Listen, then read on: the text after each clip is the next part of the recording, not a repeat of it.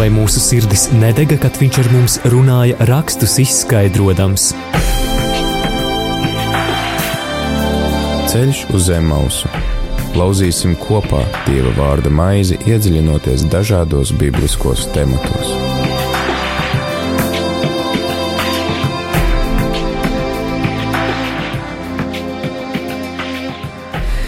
Esiet sveicināti, darbie radio Marija Latvijas klausītāji, ceturtdienas vakarā raidījumā Ceļš uz Emmausu. Saviem mācekļiem Jēzus ceļā uz Emmausu izskaidroja svētos rakstus, kas par viņu rakstīti, un vēlāk mācekļi atceroties šo notikumu saka, vai mūsu sirdis nedega, kad viņš ar mums runāja rakstus izskaidrodams.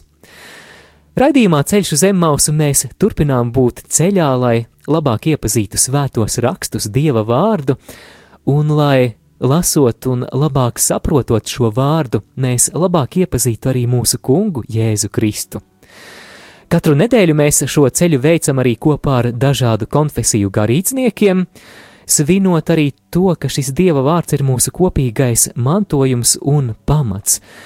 Un šajā ceturtdienā kopā ar jums šeit, Radio Marijas studijā, es Māris Veliks, savukārt Raidījuma viesis, ar kuru telefoniski esam sazinājušies, ir Liepājas Baptistu Pāvila draudzes mācītājs Mārtiņš Balodis. Sveicināti! Labdien! Priecājamies, ka jūs esat pirmo reizi Radio Marija ēterā.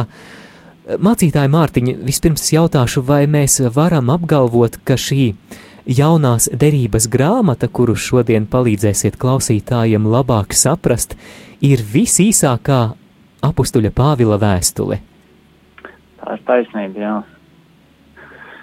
Šī ir visīsākā, kaut arī iespējams rakstīt uh, kopā un sūtīt vēl ar vismaz vēstuli kolosiešiem, varbūt tu arī tai pašā laikā bija vēstuli efeziešiem, bet, uh, bet šī katrā ziņā ir īsākā. Jā, dārgie klausītāji, varat paņemt savas bībeles, savus svēto rakstu izdevumus un atšķirt Pāvila vēstuli Filemonam. Tieši šim dieva vārdam mēs pievērsīsimies šajā ceturtdienā raidījumā Ceļš uz Emmausu. Jau pēc īsa brīža ļausim arī šim dieva vārdam izskanēt ēterā.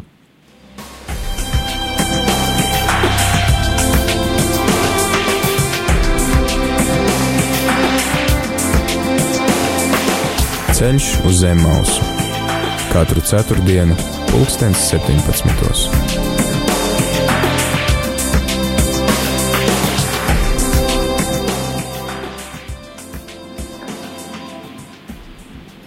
Pāvils Kristus Jēzus Kūsteknes un brālis Timotejs mīļajam Filemonam, mūsu darba biedram, māsai Apfijai un mūsu cīņas biedram Arhipam un draudzēji, kas tavā namā lai jums ir žēlastība un miers no Dieva, mūsu Tēva un Kunga Jēzus Kristus. Es vienmēr pateicos savam Dievam, tevi atcerēdamies savās lūkšanās, dzirdams par tavu mīlestību un ticību, kas tev ir uz Kungu Jēzu un uz visiem svētajiem, lai tavas ticības sadraudzība kļūtu darbīga, visa laba atziņā, kas mūs tuvina Kristum. Man bija daudz prieku un apmierinājumu par tavu mīlestību ka tu, brāli, esi atspirdinājis svēto sirdis. Tādēļ, kaut gan man Kristu ir pilnas tiesības pavēlēt tev to, kas klājas, es labāk mīlestībā tevi lūdzu, tāds kāds esmu, sirmais Pāvils, bet tagad arī Kristus Jēzus gūsteknis. Lūdzu tevi par savu bērnu Onēzinu, ko esmu dzemdinājis, būdams bažās. To, kas kādreiz bija tev nederīgs, bet tagad kā tev, tā man ir derīgs Viņu tas ir savu paša sirdi, es tev sūtu atpakaļ. Es viņu gribēju paturēt pie sevis, lai viņš tavā vietā man kalpotu evaņģēlīju važās. Bet bez tavas ziņas es neko negribēju darīt, lai labais darbs parādītos nepiespiesti, bet brīvprātīgi. Varbūt viņš tādēļ no tevis uz brīdi bija atšķirts, lai tu viņu paturētu mūžībai. Nevairs kā vergu, bet daudz vairāk kā mīļotu brāli, īpaši man bet cik daudz vairāk vēl tev gan pēc miesas, gan iekš tā kunga. Ja nu to ar mani tur sadraudzību, tad pieņem viņu tā kā mani. Bet ja viņš kaut kādā veidā noziedzies pret tevi vai palicis parādā, tad to pieskait man. Es, Pāvils, to rakstu tev ar savu roku, es atlīdzināšu, lai neteiktu tev, ka tu man arī pats sevi esi parādā. Patiesi, brāli, es gribētu no tevis iegūt kādu labumu tam kungam par godu. Atspirdzini manu sirdi Kristu. Es tev rakstu uzticēdamies tev, ka tu paklausīsi, un zinādams, ka tu darīsi vairāk par to, ko es saku. Bet turklāt sataisies arī mani uzņemt tiesu, jo es ceru, ka jūsu lūgšanu dēļ es tikšu jums atdāvināts.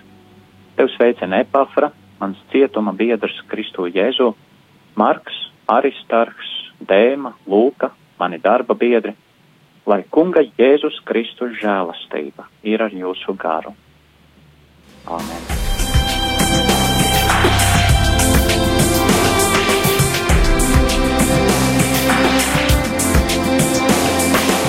Ceļš uz zem mausu katru ceturtdienu, pulkstens 17.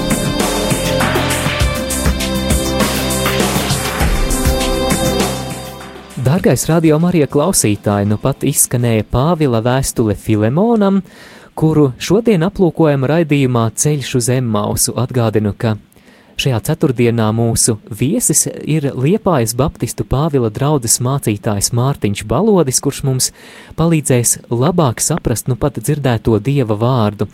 Mācītāji Mārtiņ, dodu jums vārdu, ar ko mēs eh, sāksim, lai labāk šo vēstuli saprastu. Nu, iespējams, varētu dažas ievadu lietas par pašu Pāvilu. Nu, Pāvils tātad bija kādreiz pavisam cits cilvēks, judaismā dzīvodams, uzaudzis un, un pēc tam arī kalpodams. Viņš sākotnēji bija draudzes vajātājs, kristiešus uzlūkoja kā maldas sludinātājus un ļoti, ļoti pret viņiem vērsās, uh, iznīcinādams burtiski iznīcinādams. Un uh, tad um, kungs Jēzus viņu izrāva no tāda dzīvesveida un, un padarīja par savu liecinieku, kurš, uh, kurš gāja tautās un sludināja Kristu žēlastību un mīlestību. Un, um, un tad, um, nu, protams, kalpošanas laikā viņš uh, saskārās ar dažādiem cilvēkiem, Un acīm redzot, Filemons bija viens no tiem, kur viņš jau iepriekš bija iepazins, ar kuru viņš bija uh, saticies, pavadījis kādu laiku kopā un, um, un piedzīvojis to arī kāds Filemons jau ir kā kristietis. Nu, un tad uh, vēl kāds laiks ir pagājis, un viņš uh, raksta šo vēstuli Filemonam, kura dod ieskatu, nu, patiesībā varētu teikt tādā evaņģēlī milzīgi pārradošajā spēkā um, nu, kā parasti šī vēstule atklāja gan to, kā Pāvils pats ir, tā teikt, evaņģēlijas spēkā ticis pārveidots, uh, tā atklāja to, kā, kā Onēzims, par kuru uh, viņš raksta Filemonam, ir ticis pārveidots kāds izbeidzis vergs, un, un, protams, pats Filemons. Tā kā varbūt tas varētu būt trīs, par kurām mēs varētu runāt šajā dienā, tā teikt, koncentrēties uz viņiem. Nu, pirmais ir pats apostols Pāvils. Um, interesanti šajā vēstulē viņš, uh, protams, uh, sāka ar ļoti tādām interesantām ievadlietām, uh, kur viņš runā jau par sevi, par to, kas viņš ir tajā laikā, iespējams apcietinājumā, kaut gan šeit, vismaz pāris reizes šajā vēstulē, viņš, viņš saka, ka viņš ir Kristus gūsteknis, kaut arī romieši varbūt būtu teikuši, tu esi mūsējais. Uh, gūsteknes ieslodzītājs, viņš saka, es esmu Kristus gūsteknis. Jā, arī un, 13. Um, pantā es redzu, ka šeit Pāvils saka, esmu važās evaņģēlija dēļ. Mm -hmm, mm -hmm. Tā, jā, tā kā, un, un uh, nu, viņš sevi redz pavisam no citas puses. Jā, ne tā kā, tā kā šīs pasaules iedzīvotāji būtu teikuši, tur ir Roma man apcietinājusi, viņi mani tur, es viņu dēļ esmu tur ierobežots. Viņš saka, nē, tas ir Dievs, tas ir Kristus, tas ir evaņģēlijs, un, un viņš tajā rada zināmu atspērdzinājumu un spēku, vai ne? Tā mm -hmm. raksta arī otrajā vēstulē korintiešiem, kad esmu nespēcīgs, esmu spēcīgs patiesībā. Un tā. Nu tā, tā kā šeit ir uh, vairākas lietas, kuras parāda to, kāds Pāvils ir bijis. Piemēram, ja mēs skatāmies 8. un 9. pantu, uh, viņš saka, man ir iespējas tev pavēlēt. Nu, oriģināls burtiski gan nerunā par pavēlu, tur ir tāds ļoti interesants, interesants veids, kā, kā viņš to pagriež. Viņš saka, man ir Kristū daudz drosmes. Un, un tas vārds drosme tam ir tāda nians, kas ir saistīta ar brīvību un ar runāšanu, tad viņam ir šī tik daudz brīvības, ko teikt. Viņš ir brīvs kaut ko pat Filemonam, ja? Un Jā. tāpēc varbūt latviski iztulkots man ir daudz tiesības, vai ne pavēlēt. Mm -hmm. Tas tāds labs, Jā. laba. Es skatos šeit jaunajā tulkojumā, šis pants ir tulkots tā, lai gan Kristu es pilnīgi varētu iedrošināties tev pavēlēt darīt to. Mm -hmm. Nu jā, nu jā. Un, un, uh, un viņš tajā pašā laikā saka, ka viņš to nedarīs, vai ne? Tas ir tāds pārsteigums, liekas. Uh, viņš atspoguļo fantastisku raksturu, fantastisku pārvērtību, kur Jēzus ir viņā paveicis, jo kādreiz viņš Eh, bija vardarbīgs. Viņš gribēja ar spēku panākt to, kā viņš lietas redzēja. Un, un varētu teikt, tagad viņš ir Kristu, viņš ir apostols, viņš ir aicinātais, viņam būtu iespēja tagad citā jomā nu, eh, kaut ko teikt un darīt un pavēlēt, bet, eh, bet viņš to nedara. Vai ne? Viņš ir gatavs lūgt uh, Filemonu. Un, uh, protams, pati vēstule un pats sākums, kur viņš arī, uh, vai nesaka, um, piemēram, Filemonu viņš uzrunā kā darba biedru. Viņš, tas vārds oriģinālā nozīmē līdzās strādājošais cilvēks, ar ko es kopā strādāju, vai ne? Jā. Un, uh, un tas pats arī ar, tas uh, arhīvs, vai ne? Arī tiek nosaukts par līdzkarēju, par līdzzaldātu, par kādu, ar kur viņš vienkārši kopā cīnās. Tātad viņš pavisam ir ar tādu citu pieeju, viņš ir cits cilvēks. Tātad tas liecina par to žēlastību, kādu Jēzus ir padarījis pie viņa kā pie cilvēka. Viņš ir pārvērsts. Un, uh, un tāpatās arī, kad uh, viņš parāda to um, gatavību uzņemties onēziņu šī izpēkušā verga vainas un parādus. Ne, mēs nezinām burtiski, kas tur ir noticis, bet varam minēt, ka senajā pasaulē vergi viņiem dažkārt bija labāks stāvoklis nekā savā laikā Amerikas vergiem, un, un viņiem bija iespēja ceļot ar pat zinām uzticētu naudas summu, un mēs nezinām, vai Onēzims tajā brīdī vai citādi izmantoja to situāciju un, un aizbēga ar naudu radītām zināms zaudējums arī savam vergturim Filemonam, bet, um, bet tagad Pāvils saka, pieskait to man. Un mēs zinām, ka viņš uh, savām rokām strādāja pirmā korintiešiem vairāk kā tas ir rakstīts apus un darbos 20. nodaļā. Mēs varam domāt, viņš ir gatavs uh, ieguldīt darbu, lai atlīdzinātu Filemonam to, kas nav viņa parāds, bet kas ir citu cilvēku parāds. Un tas, tas tādu tiešām ļoti spēcīgi runā ne, uz mums šodien, vai mēs esam gatavi būt tik atvērti, uh, strādāt un atlīdzināt nevis savus parādus tikai, bet kādu citu cilvēku parādus. Tātad mēs redzam Pāvila dzīvē, ka viņš nevis ir kungs pār tiem, kuriem viņš kalpo, kurus viņš uzrunā. Uh, viņš, ir, viņš ir kopā ar viņiem, un uh, viņš uh, grib būt uh, tas cilvēks, kurš nevis grib izmantot viņus, bet, bet kas grib kalpot, kas grib parādīt evaņģēlī lielo spēku. Un tas jau, kaut arī šī vēstule nav par Pāvilu. Pats Pāvils ļoti fantastiski šajā, šajā, šajā lapusē nāk cauri kā pārveidots cilvēks ar pilnīgi citu domāšanu, attieksmi pret lietām un, un citiem cilvēkiem, kuriem ir problēmas un tā. Nu tā, tas ir par, par pašu Pāvilu. Daži vārdi, mēs vēlāk atgriezīsimies, bet varbūt, varbūt neliela pauzīt. Tad mēs tālāk.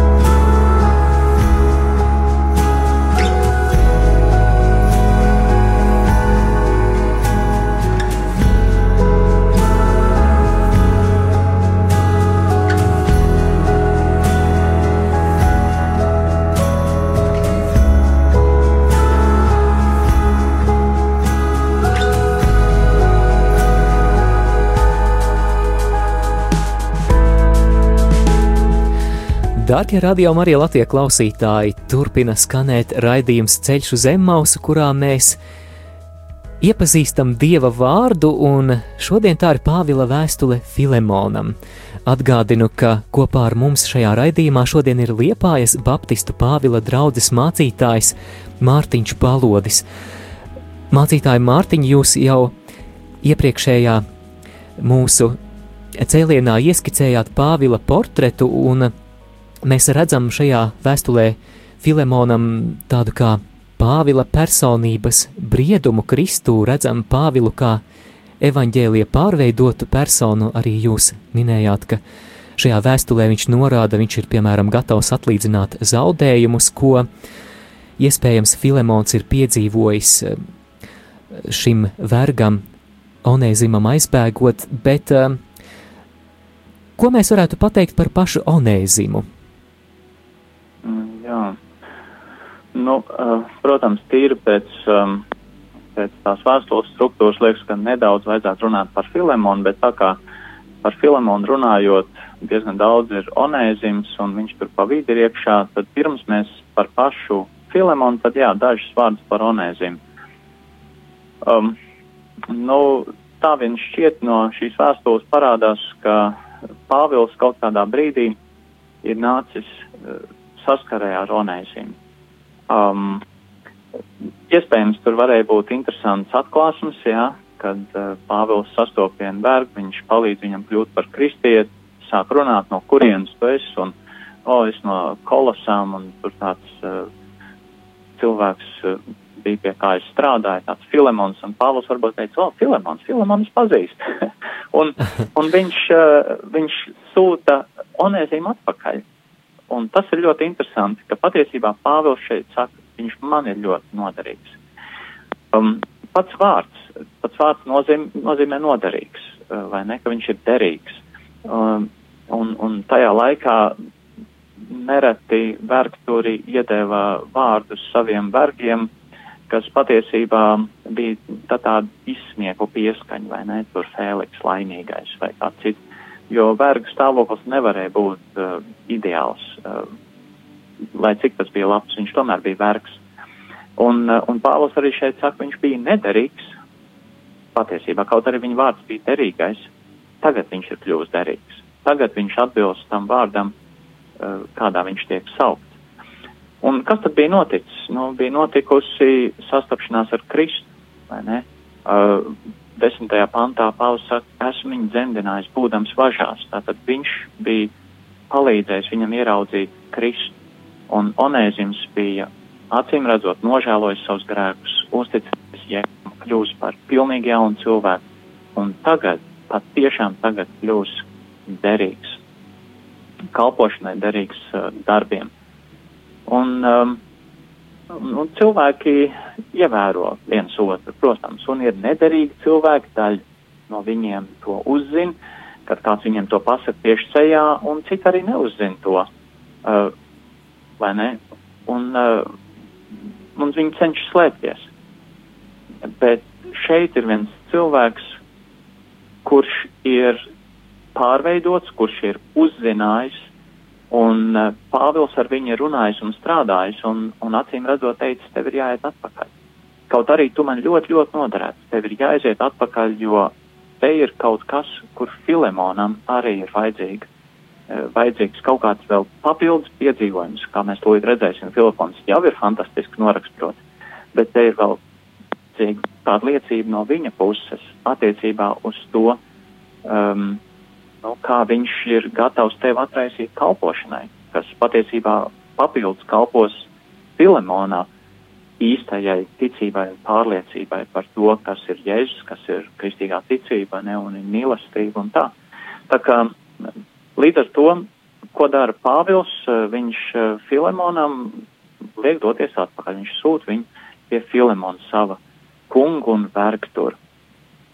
Un uh, mēs redzam arī, ka, ka nu, Onēzims nepretojās. Viņš ir gatavs iet atpakaļ uh, tajā vietā, tajās lietās, uh, kurās uh, ir vajadzīgs kaut ko savest kārtībā. Ja ne burtiski kaut kāds parāds nomaksāt, kur iespējams viņam vairs nav ko nomaksāt, viņš varbūt to visu ir iztērējis -hmm. kā pazudušais dēls, bet, bet viņš var vismaz uh, iet un pateikt, es esmu.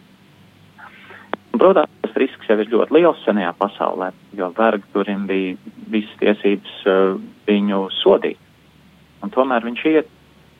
Un tā kā tā iešana atpakaļ, tā ir spēcīga liecība par to, kas Onēzimā ir noticis. Šeit vairs ne tikai pats Pāvils liecina, ka, ka viņš ir piedzimis, tā teikt, no jauna, bet paša Onēzima rīcība liecina, ka viņš ir jauns cilvēks, ka viņš ir gatavs uh, savu dzīvi, nu, likt uz jauniem pamatiem un rēķināties ar sekām, kādas uh, būtu saistībā ar iepriekšējo dzīvi.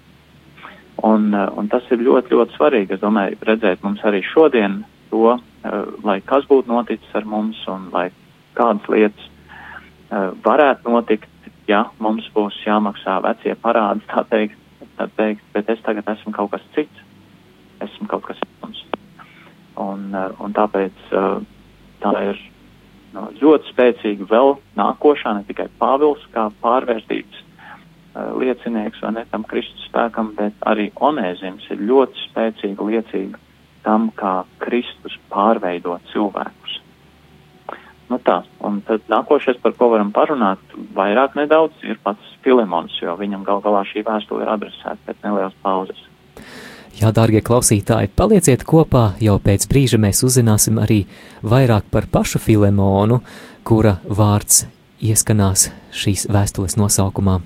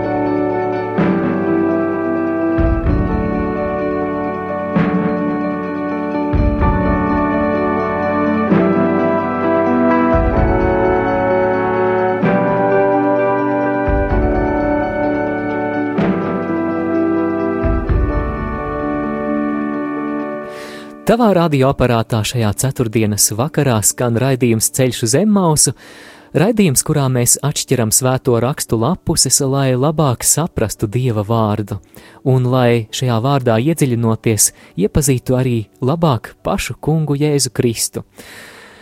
Šajā reizē mēs runājam par Pāvila vēstuli Filemonam, un šo vēstuli labāk saprast mums palīdz Liepājas Baptistu Pāvila draudzes mācītājs Mārtiņš Balodis.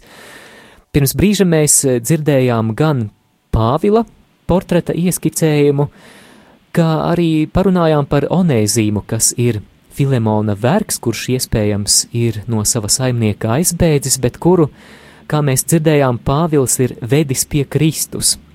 Un arī kā mācītājs Mārtiņš teica, tad Šis Vergs Oneizīms ir patiesa liecība tam, kā Kristus pārveido cilvēku, par ko liecina piemēram šī Oneizīma gatavi, gatavība atgriezties pie sava īpašnieka Filemona, atgriezties jau kā viņa brālim kungā, kā mēs to lasām šīs vēstules 16. pantā. Bet uh, mācītāji Mārtiņa tagad droši vien laiks parunāt arī par pašu Filemonu. Jā, nu, tad šis varbūt mums vairāk laika paņems, jo gal galā Filemonam vēstule ir rakstīta. Nu, šeit mums varbūt ir labi atgriezties dažus soļus, soļus atpakaļ pie trešā panta. Eh, tad, kad Pāvils šo vēstuli raksta, viņš saka, lai jums ir žēlastība un miers no Dieva mūsu Tēva un Kunga Jēzus Kristus. Un uh, pirms mēs runājam par to, ko Pāvils jau pasaka, kā paša Filemona dzīvi Kristus ir izmainījis. Vēl viena milzīgas pārvērtības liecība visā šajā vēstulē. Eh, Pāvils jau ar šiem uh, vārdiem trešajā pantā dod vēl vienu apsolījumu, ka ir potenciāls uh, šīs pārvērtības liecībai. Tam, ka Kristus jau ir darījis liels lietas pie tevis, tev ir dot iespēju piedzīvot milzīgu dieva žēlastību, tad, kad tu izdarīsi to, ko es tev rakstu. Tātad tu vēl vairāk piedzīvos to, kāds ir Dievs, kāds ir Dievs priekš tevis un, un kādu liecību tu vari dot par, par uh, Kristus spēku. Jo šie vārdi, lai jums ir žēlastība un miers no Dieva mūsu Tēva un Kunga Jēzus Kristus, patiesībā ir katrā Pāvila vēstulē no vienas puses, vai ne? Ir kā parasts sveiciens. Bet tas nav tikai sveiciens, tas ir arī savu veidu lūgums Dievam, Uh, un, un kristumu par to, kā, ko Pāvils gribētu, ka šie cilvēki piedzīvo. Tas ir vēlējums, bet tas ir arī apsolējums par to, kas notiks, ja tie cilvēki, kas šo vēstuli las vai klausās, paklausīs tiem vārdiem. Jo Pāvils tad ir Dieva izredzēts rakstīt vārdu, kas tiek ielikts svētajos rakstos un kļūst par mūsu autoritāti un apstuļu darbu 20. nodaļā, 32. pantā mēs lasām Efes draudz sacījām, viņš saka, un tagad es jūs uzticu Dievam un viņa žēlastības mm, vārdam, mm -hmm. kas jūs spēj celt un dot mantojumu līdz ar visiem svētiem. Arī šī vēstule ir Dieva žēlastības vārds. Un, un Pāvils saka, šos vārdus viņš raksta Filiponam, viņš, viņš saka, lai tev ir žēlastība, piedzīvo šo Dieva žēlastību. Tu to piedzīvos aktīvā veidā, ja tu tam vārdam paklausīs? Un tas attiecas uz katru no mums šodien, kad mēs paklausam Dievam vārdam, mēs piedzīvojam šo žēlastību aktīvā veidā. Līdz ar to neviens no šiem ievadiem Pāvila vēstulēs nav tikai lūgums, bet spēcīgs apsolījums, kas notiks tevi paņems vērā. Un šajā gadījumā tas attiecas uz Filemonu. Jau pašā sākumā viņš saka Filemonam, tu kaut ko, tev ir potenciāls kaut ko fantastisku piedzīvot. Nu, tas, ir, tas ir viens, ko mēs sākumā varam teikt. Tad no 4. panta uh, parādās jau viņš virz to domu patiesībā uz to, ko viņš grib lūgt viņu darīt. No 4. līdz 7. tas nav manipulatīvs apraksts par to, ko Kristus ar tevi ir izdarījis, lai pēc tam pateikt, paklausies, tagad, nu, tad tagad izdara vēl kaut ko. Bet viņš dod liecību, un, un viņš saka, ka lūkšanās viņš atcerās, un šeit 5. 6. pants, pants saka, pirmkārt jau dzirdēdams par viņu mīlestību un ticību, uh, kas atkal nāk šajā vēstulē parādās mīlestība un ticība, un tā ir Filemona mīlestība uz Jēzu un mīlestība uz citiem Dievu bērniem, uz visiem svētajiem šeit sacīt. Un, un tas nolūks 6. pantā, lai, par ko tad viņš lūdz, 4. panta beigas, tās ir lūkšanas par ko un ar kādu nolūku, lai tavas ticības sadraudzība kļūtu darbīga. Um, viņam ir šī mīlestība uz Jēzu un uz Dieva bērniem, viņam ir ticība uz kungu Jēzu Kristu, bet viņš saka, man lūkšana vēl ir, lai viņa kļūtu darbīga. Pirmkārt, visu labu atziņā ja tās ir kādas zināšanas, kas iegūtas, tas vārds apzīmē zināšanas, kas iegūtas tādā kontaktēšanās ceļā, tā, tā ir patiesa tāda ieskatīšanās lietās. Un, un tā tātad, te, tam ir jākļūst par, par uzskatām, redzam pierādījumu, kas īsti tevī notiek, ko Kristus ir izdarījis. Tātad caur šo zināšanu, uzzināšanu kļūst darbīga. Tā tava ticības sadraudzība. Um, tā, tā darbojas tevī. Un tas skats, ja tas mērķis, kāpēc tas viss ir, tas ir Kristus. Sastais pāns beigas, vai ne? Un uh, tātad viņš, uh, viņš dzird par viņu. Fantastiski. Fa Filemons ar kaut ko izceļās. Viņ, par viņu joprojām runā cilvēki. Viņš kā kristietis rāda milzīgu spēcīgu liecību Dieva žēlastības darbam viņa dzīvē. Un, uh, un tad viņš turpina lūgt, lai, lai tas vēl tikai pavairotos, tas, kas par viņu tiktu apliecināts. Un tas ir saistīts ar, ar Kristu lielā mērā. Un pirms viņš iet tālāk un izsaka savu lūgumu, septītajā pantā viņš vēl saka, viņam ir daudz prieku un apmierinājumu, dievinājumu, mierinājumu par viņa mīlestību, ka viņš ir atspirdzinājis vai ne, ka viņš ir devis iespēju um, nu, daudziem svētiem, te rakstīts svētos sirdis, un tas vārds sirds šajā gadījumā ir tā cilvēka iekšējā, tā riktīgi, riktīgi iekšējā dziļā būtība, ka viņš viņus ir atspirdzinājis, devis viņiem mieru, devis iespēju, tā teikt, atpūsties. Nu, tas ir fantastiski, ka par vergtūru kaut ko tādu var teikt, nevis, ka vergtūrs viņus ir izdzinis tos cilvēkus darbā. Un, un tā kā kādreiz šodien dzirdam, ne, kristietis biznesa cilvēks, bet kā viņš to cilvēks nodarbina un kādas mazas algas viņš viņiem maksā. Bet šeit ir runa par vienu kristieti biznesa cilvēku, kurš svēto sirdis kristiešus visdziļākajā būtībā ir atlaidis atpūtā, ja tā var teikt. Viņš ir atspirtinājis viņus. Un tad seko Pāvila lūgums. Un tātad uz visu šī fona jau, jau liek, oh, nu, kāpēc lai Filemons vienkārši neteikt, Pāvils, ko tu gribi, es darīšu, vai ne? Un tad Pāvils, mēs jau runājam par to, viņš neizsaka nekādas pavēles, bet viņš ļoti mierīgi lūdz. Um, un viņš saka, tad, tad nu lūk par onēzinu, es gribu runāt ar tevi. Un mēs nezinām, protams, vai kaut kas notrīcēja Filemonam, tad, kad onēzins tika pieminēts, jo pirmkārt tā varbūtība jau pastāv, ka, kad durvis atvērās, tā var teikt, un onēzins stāvēja viņu priekšā ar šo vēstuli. Un, Jā. un, un Onēzims saka, paklau, pirms tu saki, jebko citu izlas, izlas to, ko Pāvils saka. Mēs nezinām, ne?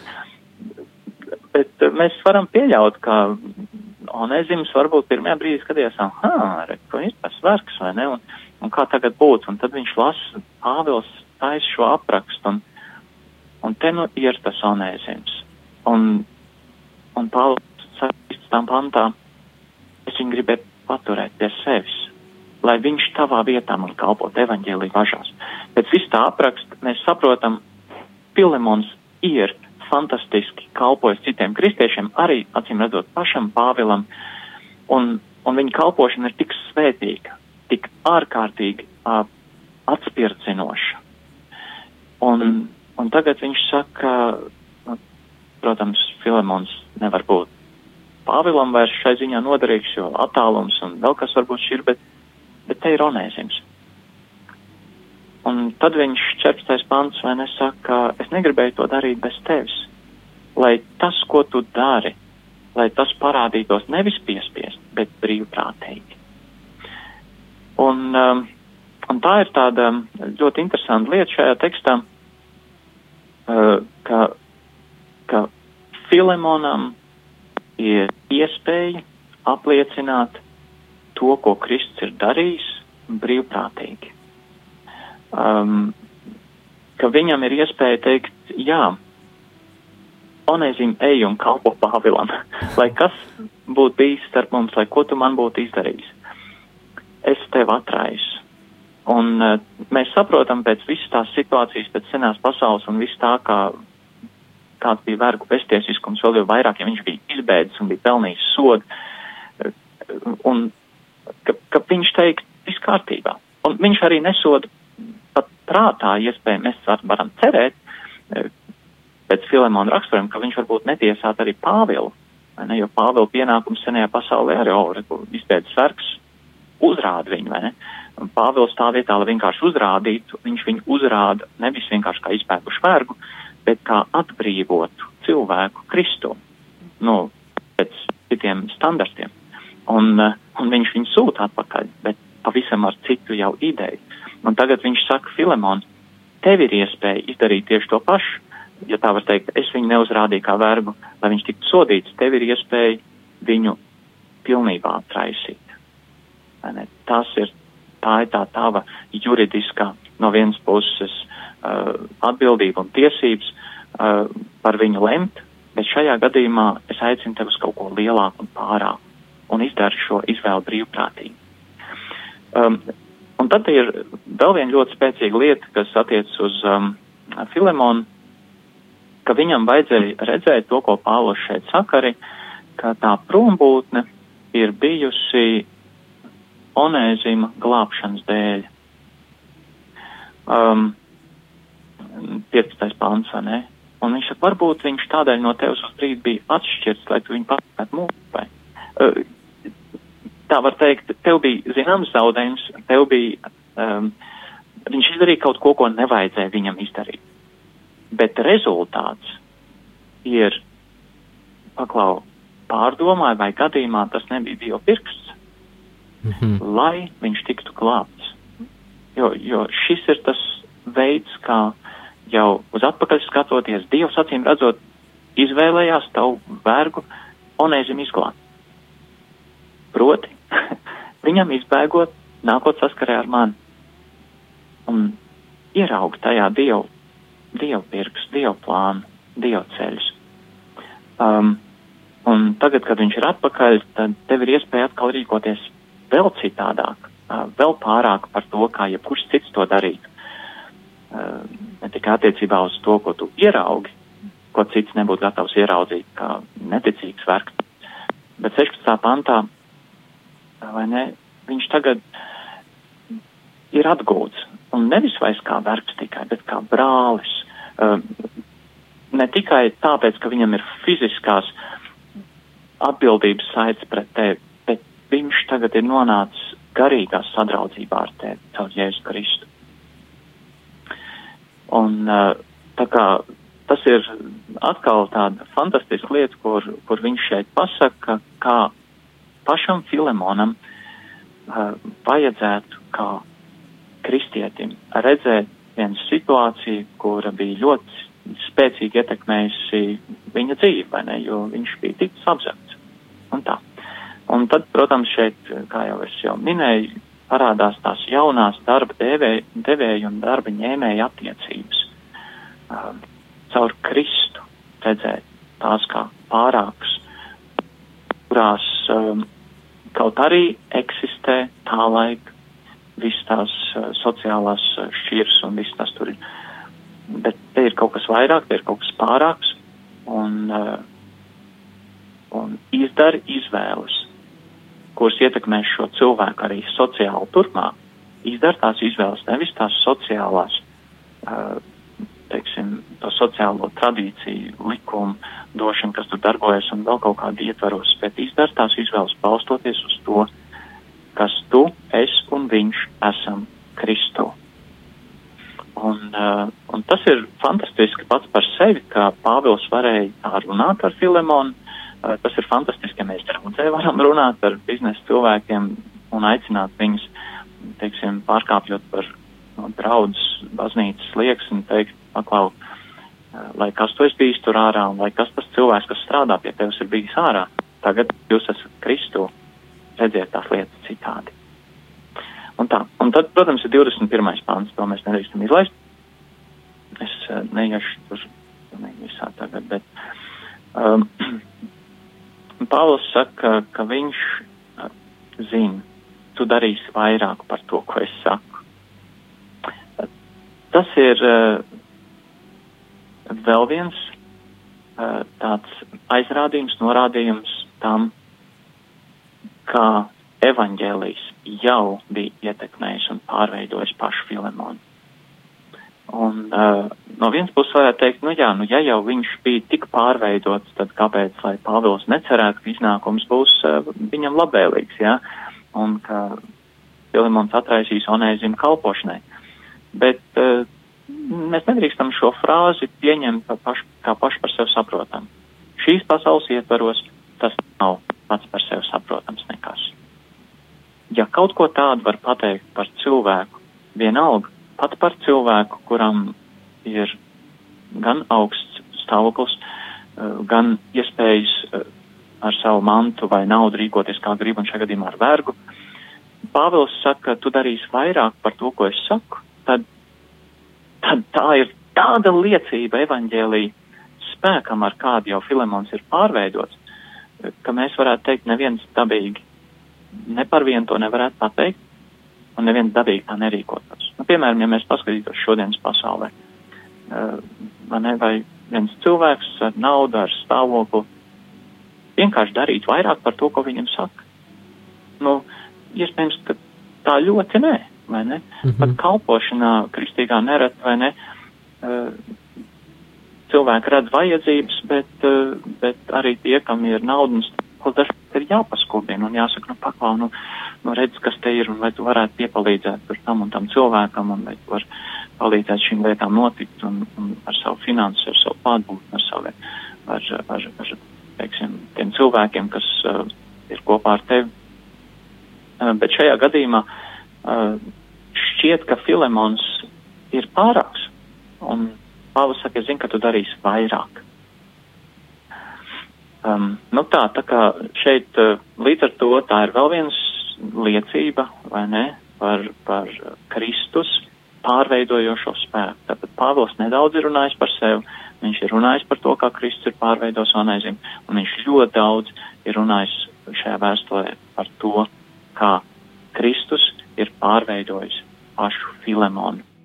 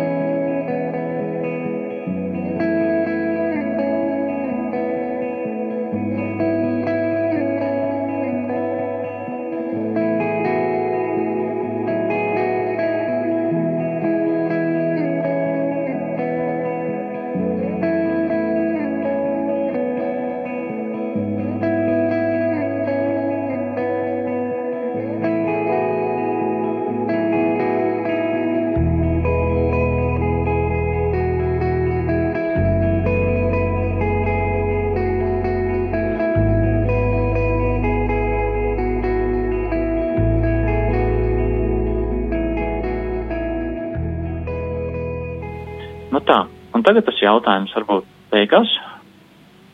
Mēs varam pajautāt, ko tas nozīmē mums.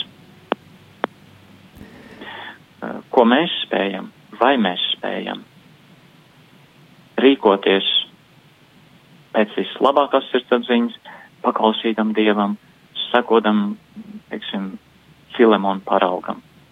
Un atbildi ir diezgan skaidra - nē, mēs to nespējam lai kā mēs apņemtos, mēs to nespējam. Viss šī vēstule rāda, ka Kristus darbs Filemonā un viņa dzīvē ir tas, kāpēc viņš kaut ko tādu spēja. Un tad vienīgi, kas mums atliek, ir meklēt Kristu un viņa upuri un viņa nāves nopelnu mūsu labā. Lai mēs varētu nākt pie viņa un teikt, kungs, ja es apžēlojies es esmu pilns grēku, pilns nespēku. Šķīstī man, šķīstī man, pārveido man. Nevis uzlabo, tikai pārveido man. Lin man jaunu, šķīstu sirdi, ka es mīlu tevi, ka es tev pieķeros, ka es tev lieku pirmajā vietā, ka man ir šī vēlēšanās un griba tiešām ar tevi staigāt. Un, uh, un darīt lietas, kuras, um, kuras es varu brīvprātīgi darīt, kalpodams, līdzīgi kā brīvprātīgi izdevā vajadzīs darīt Filemonam, lai es varētu darīt lietas, līdzīgi kā Pāvils raksta par Filiponu, Filemonu, kuras ir vairāk nekā no manis tiek lūgts. Un dabīgi mēs to nevaram, un tāpēc mums ir vajadzīgs Jēzus. Un tā labā ziņa ir, ka viņš zināja, ka mēs to nevaram. Viņš atdeva savu dzīvību, lai caur grēku nožēlu un ticību uz viņu mēs saņemtu šo piedošanu, saņemtu svētā gara dāvanu, viņa klātbūtni, viņa palīdzību un, un turpinošu uh, to spēku, vadību un motivāciju dzīvot šādu veidu dzīvi. Nu, tā, tas būtu īsumā par šo vēstuli, dažas tādas domas. Paldies jums, mācītāji Mārtiņa!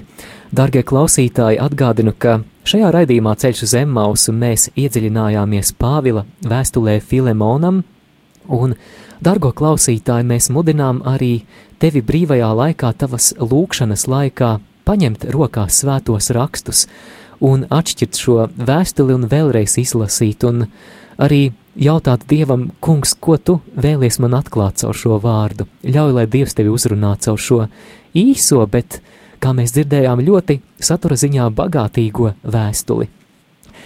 Ar jums šajā stundā šeit radio Marijas studijā biju kopā es, Māris Veliks, un sirsnīgi pateicos Liepājas Baptistu Pāvila draudzes mācītājam Mārtiņam Balodim par šo brīnišķīgo stāstījumu, palīdzot mums labāk saprast Pāvila vēstuli Filemonam. Un, dārgie klausītāji, šo raidījumu mēs varētu noslēgt ar šīs vēstules pēdējo pantu – Kunga Jēzus Kristus žēlastība, lai ir ar jūsu garu. Uz tikšanos jau nākamreiz šajā pašā laikā.